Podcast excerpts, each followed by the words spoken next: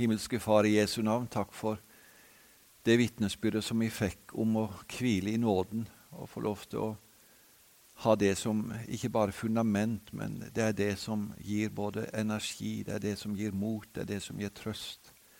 Det er det som gjør oss glade i trua.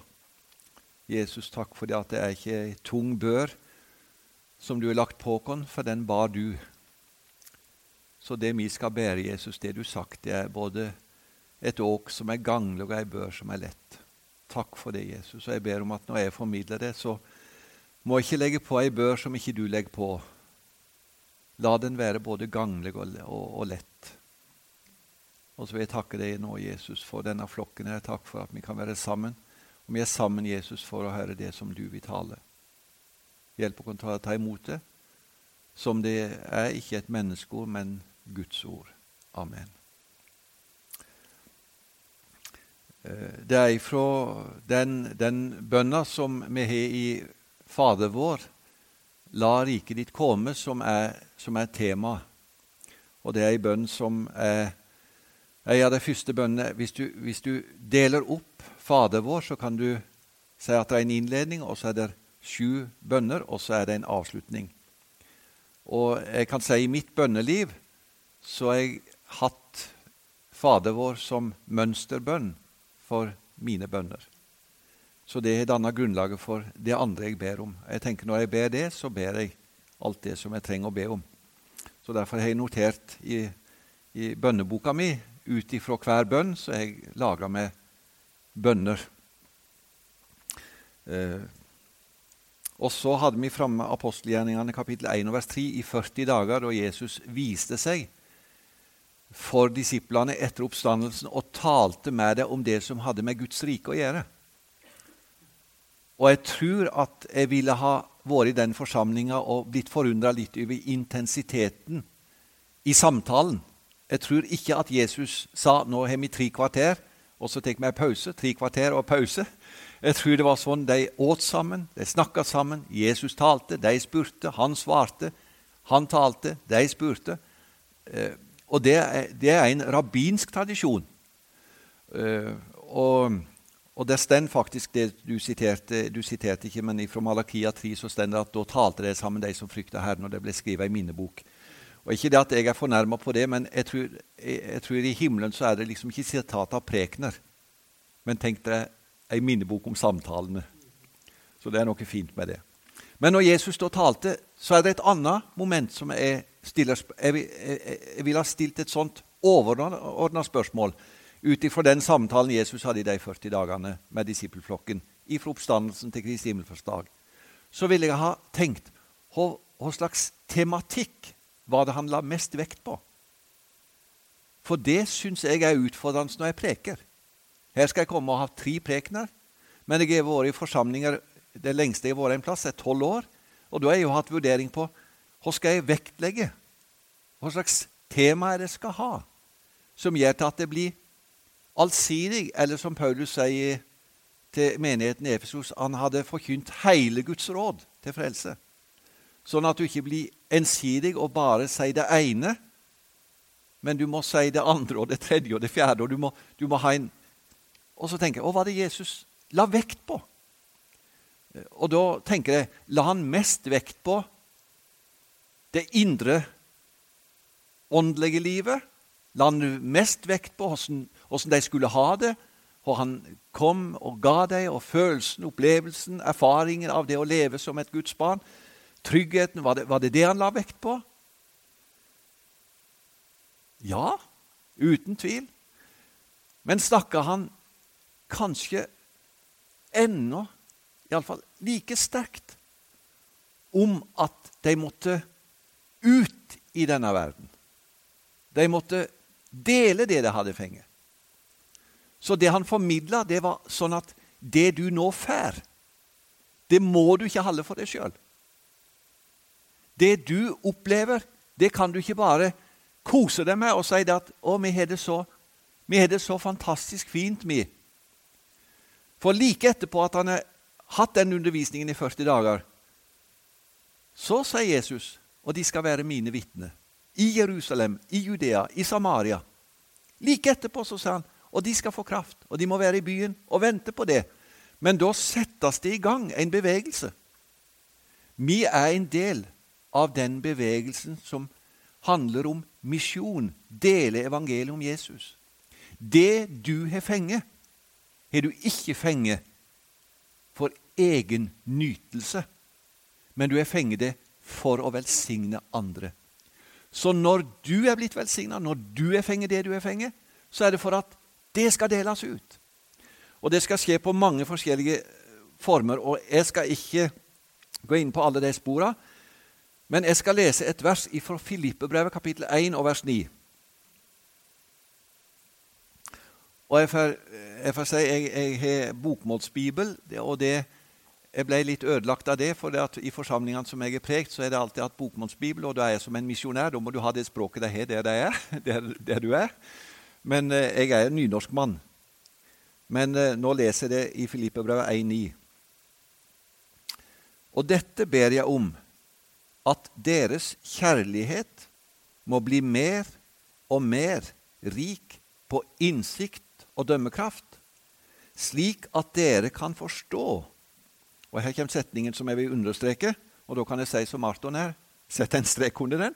Slik at dere kan forstå og avgjøre hva som er viktig.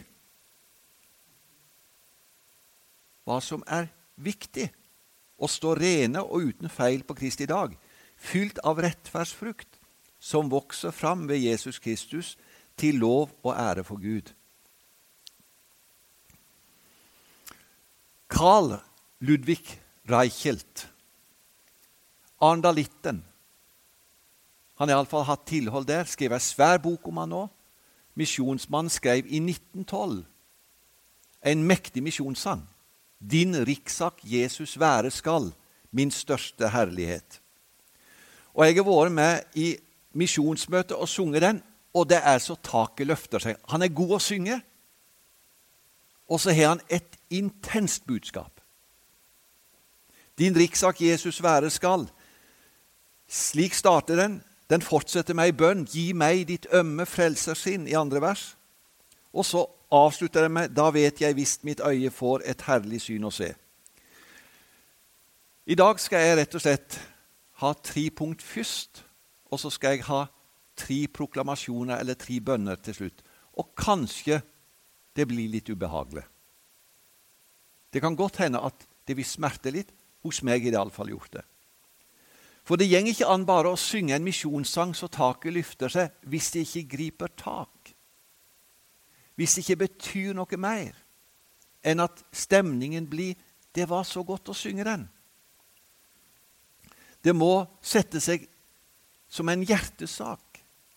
Og hjertesak blir alltid en sak for hender og føtter og hode. En hjertesak blir alltid en sak for hender og føtter og hode. Det går ikke an å ha en hjertesak som ikke berører alle de delene av livet mitt.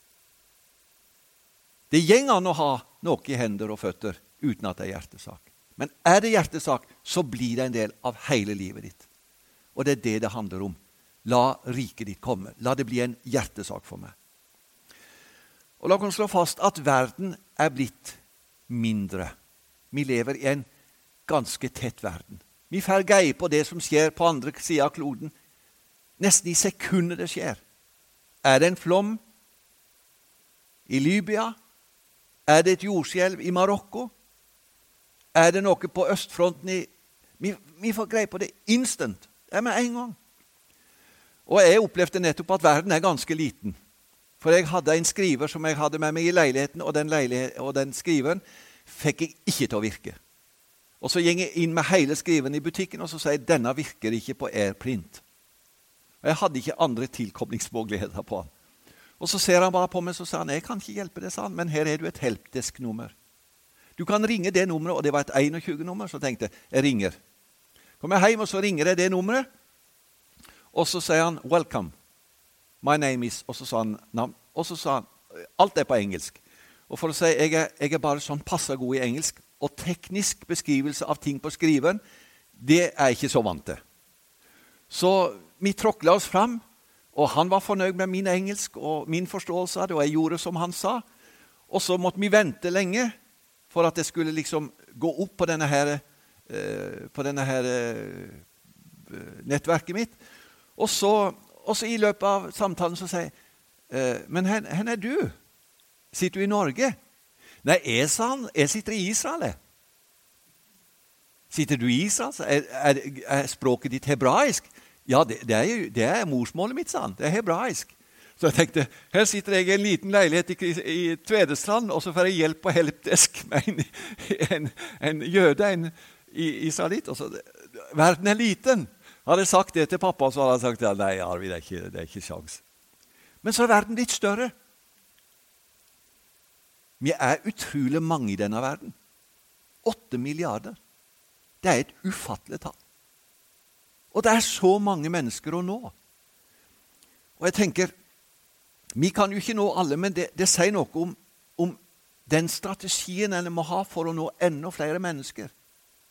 Det bor noen i dette området, men i verden det er enormt. Og vi trenger virkelig å tenke at alle disse menneskene skal vi nå med evangeliet. Og Da er spørsmålet hva er det som er viktig i vår tid, og og skal jeg forstå som er viktig? Det viktigste som finnes i denne verden og Nå kan du kanskje si det at dette her er sånn typisk predikant med capslock. Liksom, da, da, da, da sier han noe som er viktig for han. Men det er det som er viktig. Det viktigste som finnes i denne verden, er å nå mennesker med evangeliet. Det finnes ingenting viktigere. Det er viktig med medisin.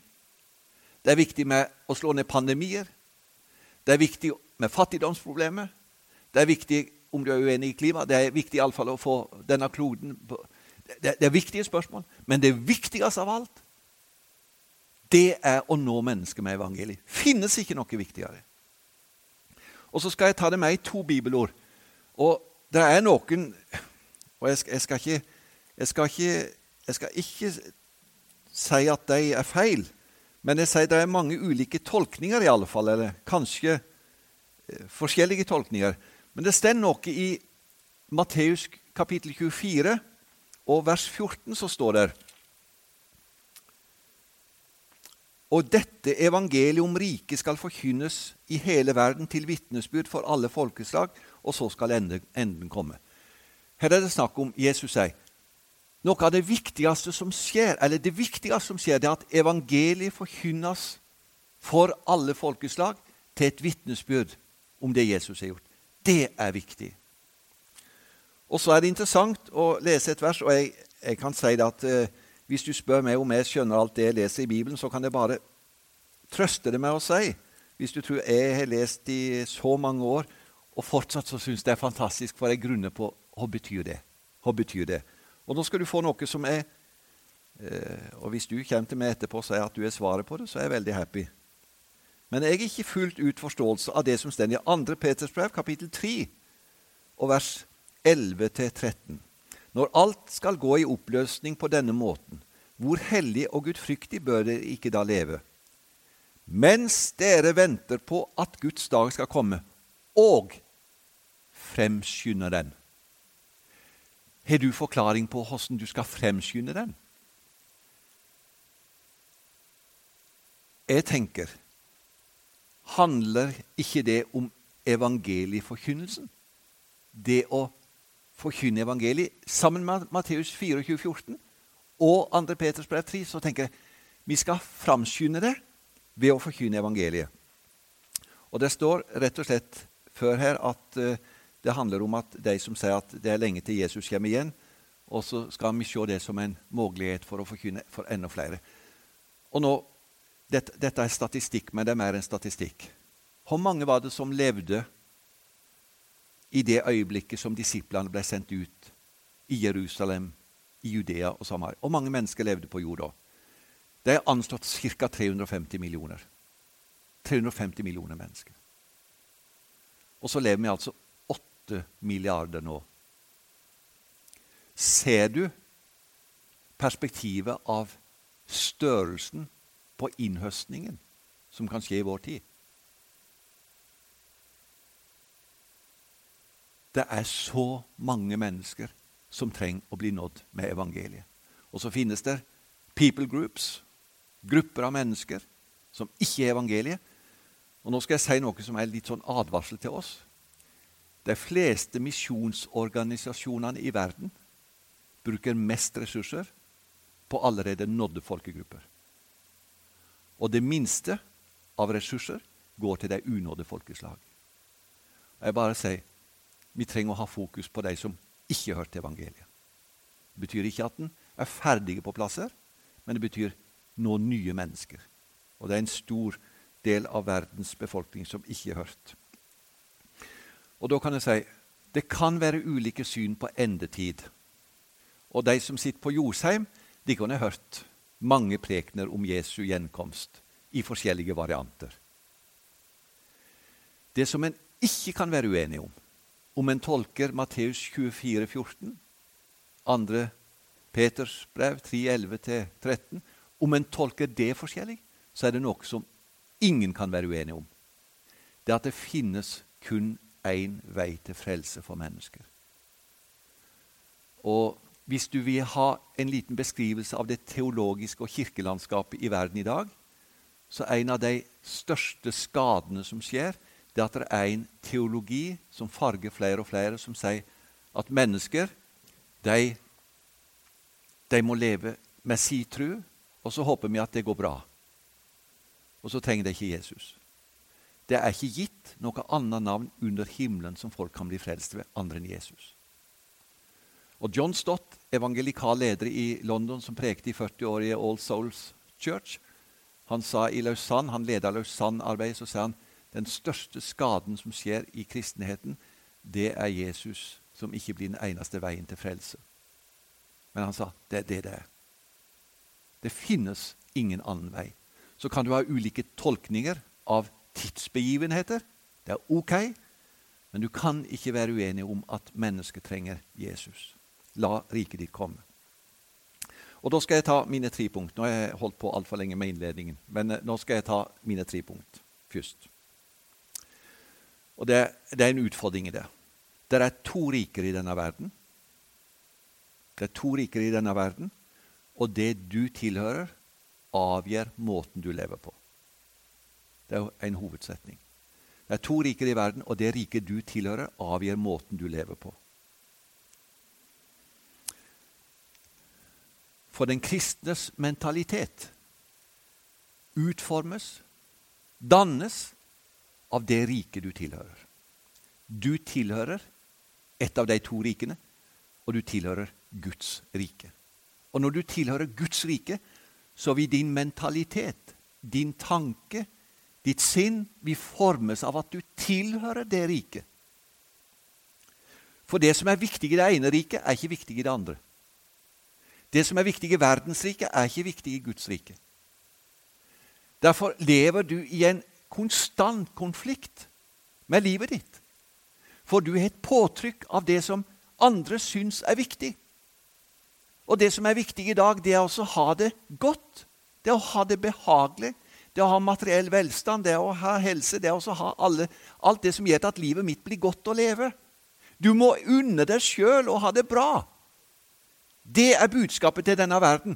Og jeg får i postkassa for Lillian Hun har ikke reservert seg mot reklame. Jeg vet ikke hvorfor hun ikke har gjort det, men, men uh, hun får reklamen inn. Hun sier, ja, og hun er heldigvis ikke sånn at hun biter på det. Men, men jeg får jo hele tida trykket på at, at slik verdiene er, er noe annet enn det som hører til det riket som jeg hører til.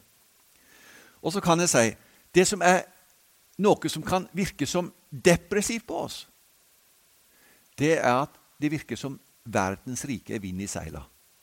Det virker som denne verdens sekulære Det, det sekulære, det, det, liksom, det, er det som kjører på.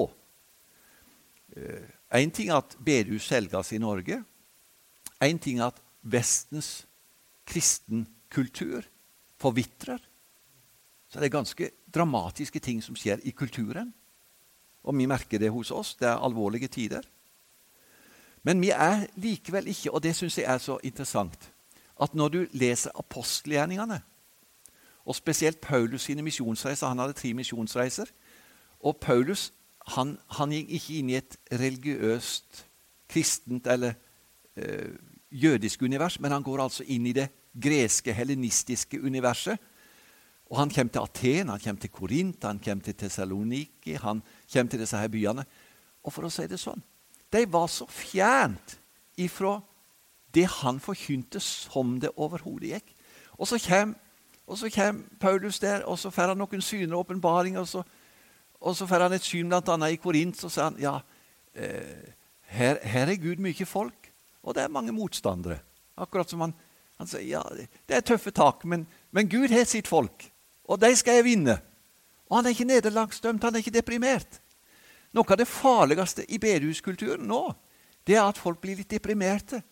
At folk sier ja, men det nytter ikke sånn. Det, det, det ser ikke ut til å være vekkelsestider. Det ser ikke ut til å gå. Guds folk er ikke et deprimert folk. Guds folk er ikke et nederlagsdømt folk. Vi vil bare si det er motstand. Det er tøffe tak. Men vi tror virkelig at vi tilhører et rike som skal seire. Og da er spørsmålet hva er det som er viktig i dette riket når jeg er prega av det? Jo, det som driver min mentalitet, min holdning, det viktigste i livet mitt, det er at jeg lever til ære for Gud. Og den måten jeg lever til ære for Gud på, det er å løfte fram Jesus og følge etter Jesus. Det er den måten jeg ærer Gud på.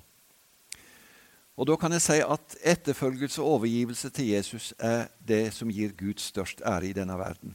Og så vil jeg synliggjøre i livet mitt at jeg hører til et annet rike. Og Jesus sa det veldig enkelt. Og du kjenner verset Luk, eh, Matteus 6,33. Eh, Søk først Guds rike. Og det, det verset kan misforstås som at 'søk først Guds rike'. Det er noen som tenker at hvis jeg har hatt andakt om morgenen og bedt ei bønn, så har jeg liksom gjort Gud først, og så kan jeg gjøre som jeg vil resten av dagen. Det er jo ikke sånn. Nei, når, når jeg søker Guds rike først, så betyr det i alle ting. Jeg søker Gud først i alt. I arbeidet mitt, i økonomien min, i følelseslivet mitt, i alt det som er stelt. Jeg vil ha Gud først. Han er fremst. Og jeg, Det er viktig for meg. Det var punkt én. Punkt to De valg som jeg tar, avslører hva som er viktig. Og du har i løpet av denne korte tida av dagen tatt veldig mange valg på autopilot. Du har ikke tenkt over det, men du har iallfall tatt et valg om å komme hit. Og det var kanskje òg et autopilot, autopilotvalg. For det, det, er bare sånn det er. Når det er møte på Josheim, så kommer du. Og det er fantastisk. Men de valgene som vi tar, små og store, det viser hvilket, hvilke krefter som virker. Når det er Guds rikets krefter som virker i oss, så vil vi ta valg ut ifra de kreftene som virker i oss. Og Har du, har du eh, lagt merke til det fine verset i Filippebrevet som sier det er Gud som virker i oss, både å ville og virke? En ny vilje, en ny bestemmelse. Og når jeg har tatt Guds når jeg har tatt de valgene om at Guds rikets krefter skal ta over i livet mitt, så sier jeg jeg vil være med på det. La meg bare være personlig. Eh, jeg sa det i går at jeg begynte å ta ut pensjonen. Eh, og, og nå må dere ikke, ikke misforstå, men det mest behagelige livet for meg det mest behagelige livet for meg som 65-åring, som denne kulturen ville si til meg, det er nå tar du det med ro, Arvid. Nå slår du deg til ro, og så For det er noe Men så har jeg tenkt Disse kreftene som virker i meg, gjør at jeg til dags dato har lyst til å være med og vitne om Jesus. Og så er jeg glad for at jeg har ei hjemme som sier Arvid, du må ut og forkynne Guds ord. Hun støtter meg i det, og ikke bare støtter, men hun supporter og sier Arvid, det er det valget vi tar. Hun sitter alene på en lørdag. Hun har noen valg, konsekvenser av det, men så tenker jeg ja. Den som har tatt et valg om at Guds rikets krefter skal bestemme de valget tar, tar noen valg om at jeg vil være med på det som fremmer Guds rike. Og så hadde jeg på park i går, men jeg sa det ikke, og jeg kan si det i dag. Vi sier av og til at vi skal være med og bygge Guds rike, og det er et fint ord. Og Vi hadde denne barnesangen litt framme i går kveld. Gud bygge Guds rike. Og så er det jo ikke det vi kan. Det er ingen av oss som kan bygge Guds rike, for det er for stort for oss. Det vi gjør i det øyeblikket vi går inn i Guds rike, så kommer vi inn i Guds krefters virksomhetsområde, der Gud virker, og så er vi er med på det han gjør. Og Tenk å befri hans tanke det er. Det er nydelig for meg å tenke. Jeg kan be sånne bønner, og det blir litt tyngre å be. Så sier Gud nå må du komme og velsigne det jeg har tenkt å drive på med. Det er én måte å be på. Så tenker jeg det er jo ikke riktig. Jeg vil heller gå inn i det Gud velsigner og driver på med, og være med på det han gjør. Og Fortsettelsen Martin, av det verset du leste Vi er Hans verk, skapt i Kristus Jesus til gode gjerninger som Gud på forhånd har lagt ferdige for at vi skal vandre i dem. Da gjør Gud hele jobben med at det skal bli ferdige gjerninger. Og så kan jeg si mennesker i dag blir lurt av at de tror de kan velge hva de vil, og høste det gode. Du kan velge det du vil, men du kan aldri velge konsekvensen av ditt valg. Det er ikke et menneske som kan. Så bare et enkelt bilde Hvis vi setter poteter på Kjønnefoss, det er så mye hus, så kan ikke jeg vente gulrøtter. Altså Setter jeg poteter, så blir det poteter. Setter du løk, så blir det løk. Planter du det, sår du det. Du, du får. Far ikke vil, Gud lar seg ikke spotte seg. Galaterbrevet kapittel 6 og vers 7. Det er et menneske sår skal det høste. Og jeg kan si, Det å ta noen valg og si jeg vil være med og Noe av det viktigste som de valgene jeg tar, det er at jeg som Gudsrikets arbeider jeg vil være med i et såarbeid og et høstarbeid. Det er, det er det det handler om når jeg er med i Guds rike. Jeg vil så, og jeg vil være med i høstarbeidet. Jesus er tydelig på det. At det er, det, det, det er to elementer som Så kan jeg, kan jeg si et ord. Du som har vært med og sådd Guds ord til ungene. Det er Guds rikets krefter som er virksomme i deg når du tar det valget. Jeg vil, jeg vil så dette inn til ungene. Og så vil vi være med i høstarbeid. Jeg, jeg, jeg, har jo Lillian, som de kan skjønne at jeg eh, bruker av og til. Og Lillian hun elsker hage. Og nå når vi overtok Kønnefoss med seks mål, flatt jord, og vi har drivet og, og det, var, det, var, ikke mer enn det lysna litt på vårparten nå. Så sier Lillian til meg nå, nå må vi stelle til hage på Kønnefoss. Det er ca. 7,5 mil fra Tvedestrand. Og jeg kan si det at jeg var, jeg, jeg var litt motvillig med på prosjektet. For prosjektet ble litt større enn det jeg hadde tenkt. Men det var å kasse, sette opp kasse, det var å hente en jordfreser og leie det, og det var å opparbeide området, og det var å styre og stelle. Og, og det er fantastisk, det som skjer nå. For nå har vi altså hatt middag etter middag der hun sier det er erter, det er aubergine, det er gulrøtter, det er poteter, det er paprika, det er tomater, det er agurker, det er squash Det er liksom alt du kan tenke deg. som hun sier. Dette er i det øyeblikket hun sådde og planta i vår, så tok hun et valg. Og så kan jeg si hun har hatt en kamp i hele sommer. Og vet du hva kampen er verdt? Så fort jeg skulle opp der, så sier hun, når jeg var alene, så sier hun nå må du vatne, Arvid. Apollos vatna, eller planta, eller er planta, Apollos vatna. Og så har hun hatt problemer med noen skadedyr. Og så har hun hatt ugras. Men jeg kan si før en nesten kommer ut av bilen, så går hun bort og så plukker hun ugras. Og så tar hun skadedyr, og så vatner vi. Og så tenker jeg ja, hun har tatt det valget om at det hun sår, det var jo å høste. Kan jeg si til deg at du som er sådd, og du som tenker på såarbeid, kanskje du òg skulle tenke på høstarbeid. Og Nå skal jeg utfordre denne forsamlingen. Kunne du ha det som ditt valg om du kunne være med og lede noen til Jesus. At du kunne hjelpe noen til tru? Det er faktisk intensjonelt. Det er noe som du må bestemme deg for. Jeg vil være med og lede et menneske til Jesus. Eh, og jeg kan si at eh, mamma som er i fjor høst, hun var en evangelist til sin dødsdag. Hun ville hjelpe mennesker til tro. Jeg vet ikke alle de sykepleierne som var inne i det huset hos henne, uten at hun hadde lyst til at de skulle få bekjenne trua. Og postmannen, han som kom med posten Mamma kunne nesten ikke gå på sine bein.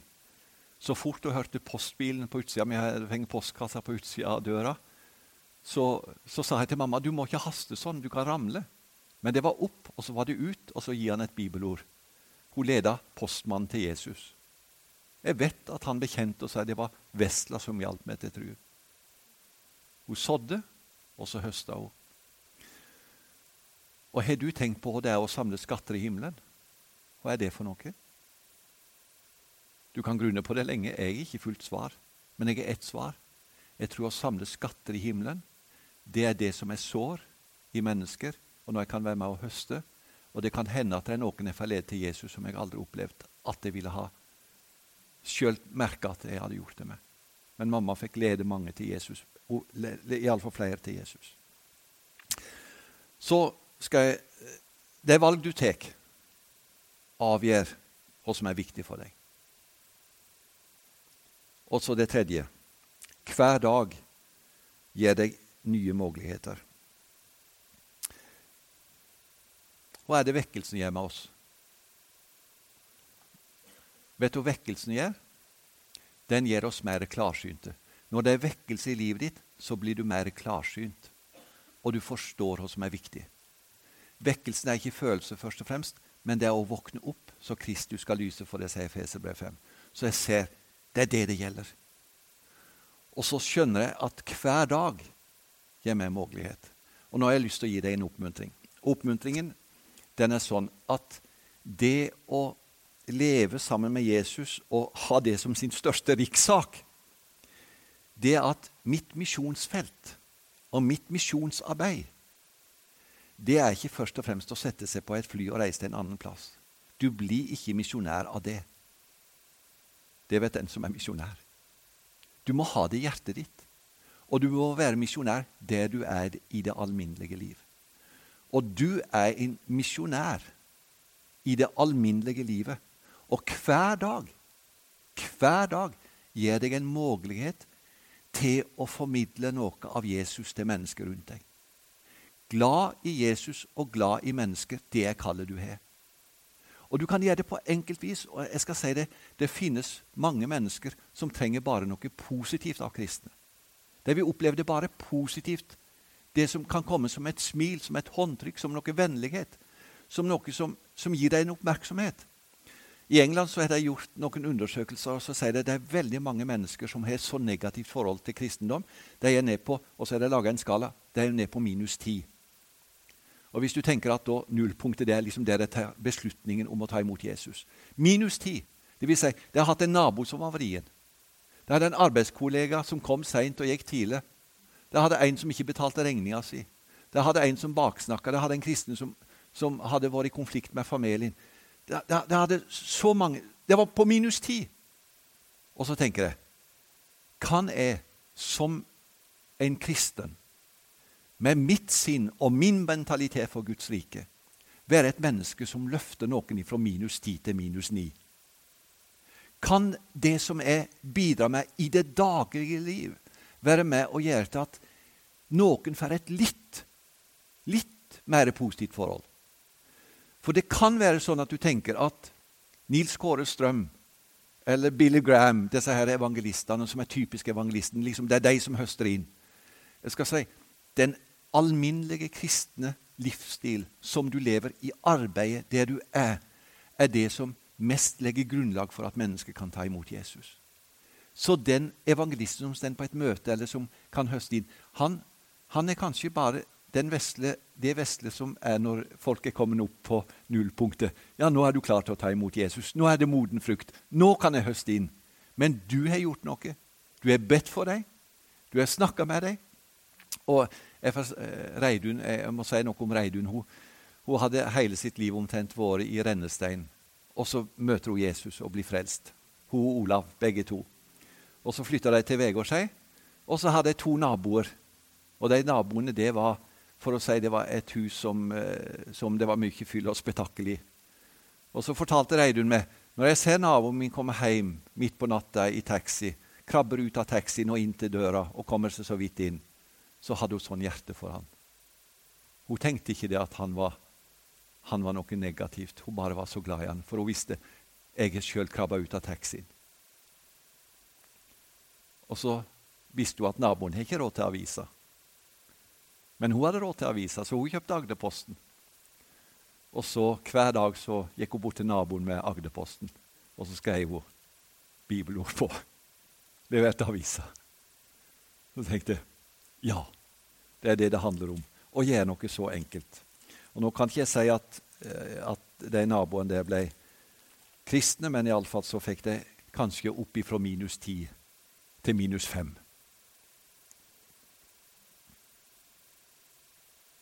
Jeg bruker et uttrykk. Jeg er med på, er med på to alfakurs i høst. I Vennesla og på Vegårshei.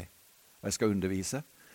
Og, og, Sist jeg hadde alfakurs, så var det en der som, som jeg snakka med en ung gutt. Så sa jeg ja, og grunnen til at du er meldt på alfakurset, så sa han ja, jeg, jeg er blitt sammen med ei jente, hun er så himla religiøs. Eh, ja, det var jo fint, sa jeg, men eh, hvorfor er du Ja, jeg må ha greie på det. Og så tenkte jeg jeg kan, jeg kan, dytte, jeg kan dytte han litt nærmere Jesus. Og når alfakurset hadde gjengen sin gang, så tok han imot Jesus. Og så ble han frelst.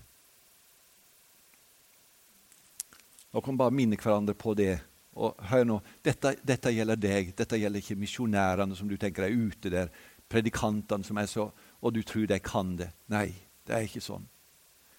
Nå skal du høre, og, og som blir sagt til deg i Efeserbrev 5, 15. Pass derfor nøye på hvordan dere lever ikke som ukloke mennesker, men som kloke. Så dere bruker den dyrebare tiden godt, for dagene er onde. Og da husker jeg Jon Ola Larsen. Han sa det er noen som snakker om de gode, gamle dagene, sa han. Men dagene er vonde. Det er ikke så lett. Vær ikke uforstandige, men forstå hva som er Herrens vilje. Bruk dagene godt. Bruk anledningen din. Og jeg har lyst til å si det er noe så enkelt som kan formidle Jesus, at Guds rikets krefter er i deg.